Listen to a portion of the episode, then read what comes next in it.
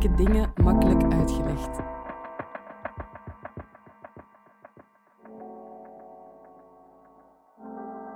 Dit is de podcast van Moeilijke Dingen Makkelijk Uitgelegd. Wie de wereld wil verbeteren, moet wel begrijpen hoe die werkt. Daarom laten we in Moeilijke Dingen Makkelijk Uitgelegd een expert 10 minuten aan het woord om een complex onderwerp uit te leggen. Deze keer schrijfster Maartje Luif over Vlaamse en Nederlandse taalverschillen. Goedemiddag. Ik ben gevraagd om hier wat meer te vertellen over uh, de verschillen tussen Vlaams-Nederlands en Nederlands-Nederlands. Ik woon pas 13 jaar in uh, België en ik ben geboren in Amsterdam. Um, dan begin ik al gelijk met een uh, nogal Nederlands, Nederlands woord, namelijk fototoestel. Nee, de Kodak. Um, en de Kodak, ja, je kunt zeggen dat is een normaal woord wat Nederlanders ook wel zullen begrijpen, maar de Kodak? Nee, de Kodak, zeggen ze in Nederland. En epidemie? Nee, epidemie, zeggen ze in Nederland. En in Vlaanderen okapi? Nee, in Nederland is dat okapi. En tsunami?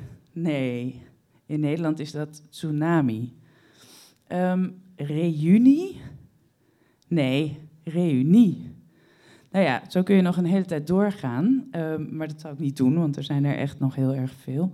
Um, van Kodak kom ik ook nog op uh, een bijzonder uh, element, en dat zijn de merknamen die een woord worden. In uh, Vlaanderen zeg je dus Kodak tegen een fototoestel of een camera. Jullie zeggen big tegen wat in Nederland een ballpoint of een balpen is ik denk dat Nederlanders het wel snappen, maar uh, het, is wel, ja, het is, blijft een vreemd woord. Um, je hebt ook het woord nadar. Dat uh, kennen de Nederlanders absoluut niet. En die zullen zeggen een dranghek. Of ja, het welbekende pamper. Um, in Nederland is dat altijd een luier, tenzij je het echt hebt over het merk. En dan is het een pamper. Um, kom bij een ander element, namelijk zo. Uh, ik had daar eigenlijk nog nooit van gehoord voordat ik uh, hier kwam wonen. Maar in Nederland is daar ook een merknaam, een woord geworden, namelijk magie. Uh, dus wat in Vlaanderen ook zo is, is in Nederland magie. En daar is eigenlijk volgens mij niet een normaal woord voor. Um, van ook zo kom ik bij de spelletjes en de dingen die je als kind deed. Uh, ik vond het echt een openbaring toen ik zag dat dat hier zo heette in Vlaanderen. En dat je dat dus ook zo mooi in het spelletje kunt oplezen. Nou, dat vond ik echt geweldig, want in Nederland is dat boterkaas en eieren.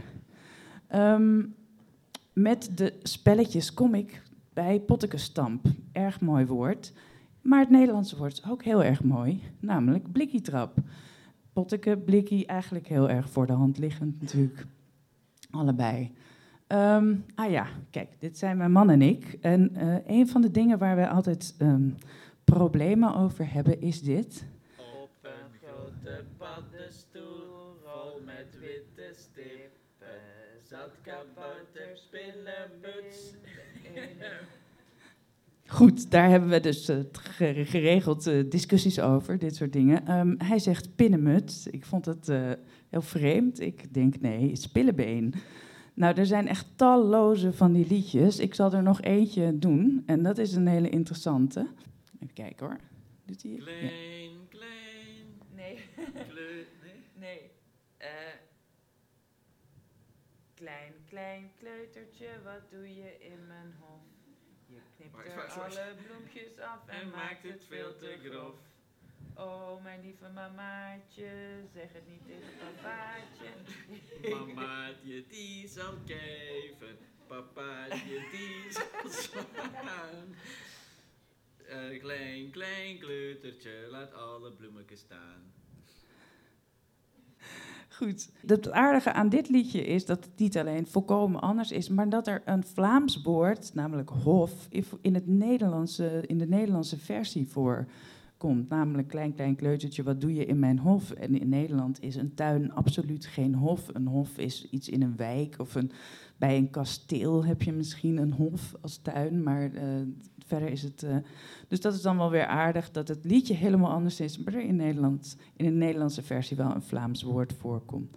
Goed, dit zijn Wannes en ik toen wij elkaar net leerden kennen. En toen wij elkaar net leerden kennen, um, was er natuurlijk van alles dat op mij afkwam, waarvan ik dacht, wat zegt hij nu? En een van de dingen die hij zei was, mag ik bij u komen liggen? En ik dacht, u? Ga jij nou u tegen mij zeggen? Want ja, ik als Nederlander vond dat dus een soort van een deftige aanspreekvorm, waarvan ik dacht, nou nou, we kunnen wel uh, elkaar toch tutoyeren, zou ik zeggen. Uh, zeker bij deze vraag. En um, het duurde echt een tijdje voordat ik daaraan gewend was een van de dingen die hij ook tegen mij zei: van ga maar op je poep zitten.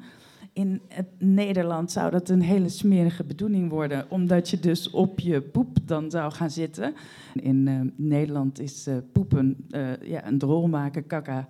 En in Vlaanderen, jullie weten allemaal wat het betekent. Um, ik kom van kaka gelijk bij ingekakt. Ik, een van de dingen die ik tegen mijn toenmalige vriend, nu mijn man, zei was, ja, ik ben een beetje ingekakt. Dat vond hij heel smerig.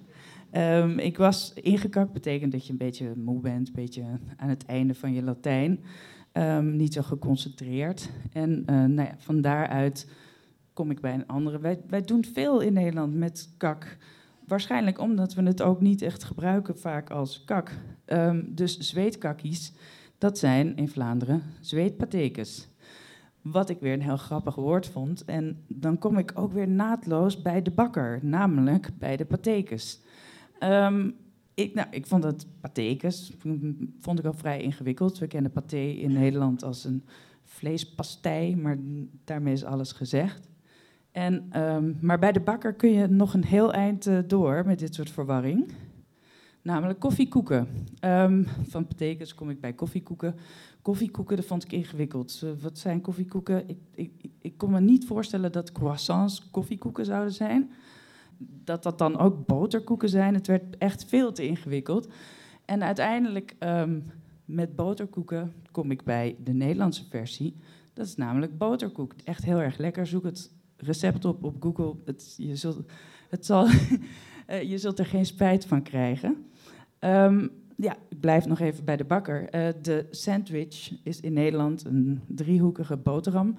Um, en zeker geen sandwich. En zeker geen sandwichen. En um, met de sandwich kom ik dus bij het puntje. En zo heet een sandwich in Nederland. Um, maar ja, dan kom ik nog bij de pistolet. Pistolet, een soort hard bolletje. Ik vond het ook heel erg ingewikkeld, want in Nederland is ja, associeer je pistolet met een pistolet, wat hier dan meestal weer een piccolo is, een, een klein stokbroodje. Nou ja.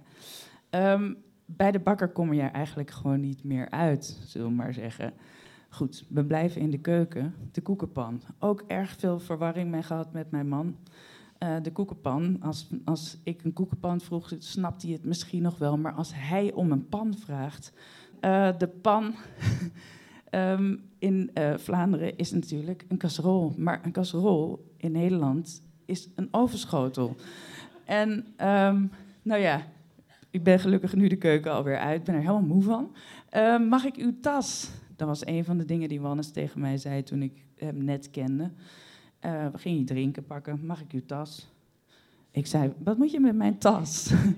nou ja, gelukkig, uiteindelijk kwam ik erachter wat een tas dan was. En aan als ik wat te drinken wilde, zei hij: Ik heb fruitsap. Ik dacht, nou, nu krijg ik te horen welke fruitsap dan. Dus druivensap of uh, appelsap of whatever. Nee, zei hij: Fruitsap. Hè, is toch duidelijk fruitsap? Oké. Nou ja, um, na het eten lekker inkakken is ook een van de dingen waar je. Um, toch ja, een beetje, nou, verwarring zou ik niet willen zeggen, maar overal maar lekker voor zeggen. Dat gebeurt in Vlaanderen ook veel minder. In Nederland kan alles lekker zijn. In Vlaanderen is het meestal seks of eten. Um, in Nederland kun je dus lekker inkakken. Inkakken, ik heb het net uitgelegd, mag duidelijk zijn. Dat lekker inkakken doe je lekker op de bank, lekker op de bank hangen. In Vlaanderen is dat een beetje raar, op de bank hangen. Dat ziet, is, ziet er niet uit als iets waarop je zou willen hangen. Hè? Dat moet dan toch dit zijn in de zetel. Dus je kunt eventueel lekker in de zetel gaan hangen. Dan kom ik gelijk bij uh, niet alleen bank en zetel, maar bij op en in. Op de bank hangen, in de zetel. Op café, op hotel, op de trein en in de school. En in het café, in het hotel, in de trein en op school is in Nederland. Dus daar kun je ook al goed de fout mee ingaan. Um, pendelen, een van de dingen die je uh, ook een, erg, voor erg veel verwarring kunnen zorgen. Uh, pendelen in Nederland. Dat, uh, dus als je zegt ik moet pendelen, ik moet veel pendelen hier, dan, krijg je hele vreemde blikken. Um, dat heet in Nederland forensen. Dat is ook echt een rotwoord. Vinden Nederlanders volgens mij ook. Die gaan met de trein, in de trein en niet op de trein. Um, ik zou nog heel erg lang kunnen doorgaan, maar doorgaan is natuurlijk ook weer zo'n woord wat voor verwarring kan zorgen. Ik ga doorgaan of ga ik doorgaan? Uh, nee, ik ga echt doorgaan. Ik trap het af en neem dat dus ook weer niet te letterlijk. Ik trap het af. Heel erg bedankt.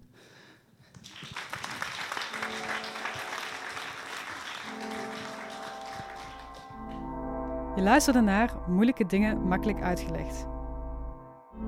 Ik ben Selma Fransen en samen met Curieus VZW organiseer ik de evenementenreeks Moeilijke Dingen Makkelijk Uitgelegd. Montage door Jelena Schmitz.